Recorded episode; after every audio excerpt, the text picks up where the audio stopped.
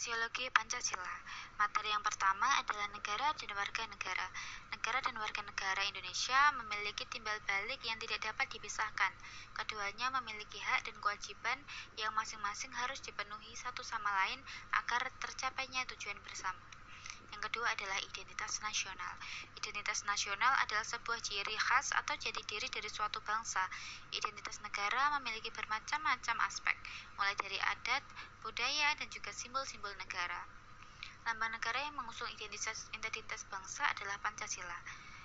Yang ketiga adalah ketahanan nasional. Setiap negara dan warganya memiliki cita-cita yang ingin dicapai, namun dalam perjalanannya akan banyak tantangan dan juga hambatan. Hambatan-hambatan tersebut datang dari luar negeri, bahkan dari dalam negeri sendiri. Oleh karena itu, diperlukannya adanya ketahanan nasional untuk menciptakan kesatuan dalam mencapai cita-cita bersama.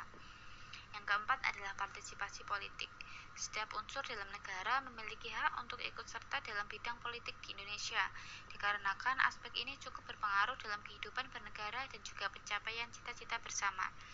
Yang terakhir adalah hak asasi manusia. Hak asasi manusia merupakan hak dasar yang dimiliki oleh setiap manusia. Tanpa adanya hak asasi manusia, seseorang akan semena-mena melakukan sesuatu kepada orang lain. Hak asasi manusia merupakan suatu peraturan yang didasari dan diatur oleh undang-undang.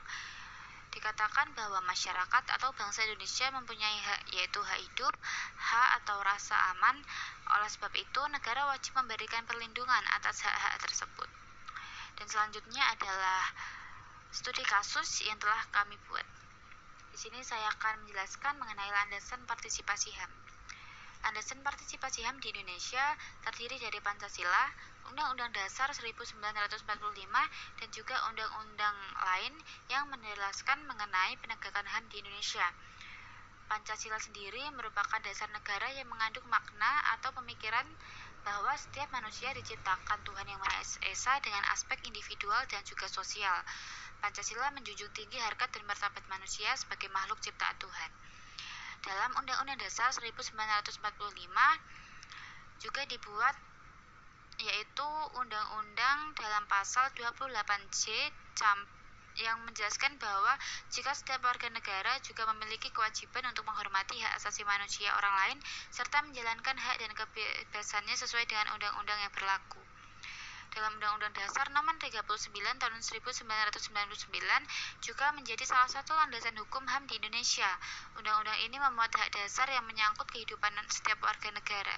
Contohnya dalam pasal 17 yang membahas tentang hak memperoleh keadilan dalam bidang hukum. Ketetapan MPR ini menugaskan lembaga tinggi negara serta aparatur pemerintah untuk menghormati, menegakkan serta memperluaskan pemahaman mengenai hak asasi manusia.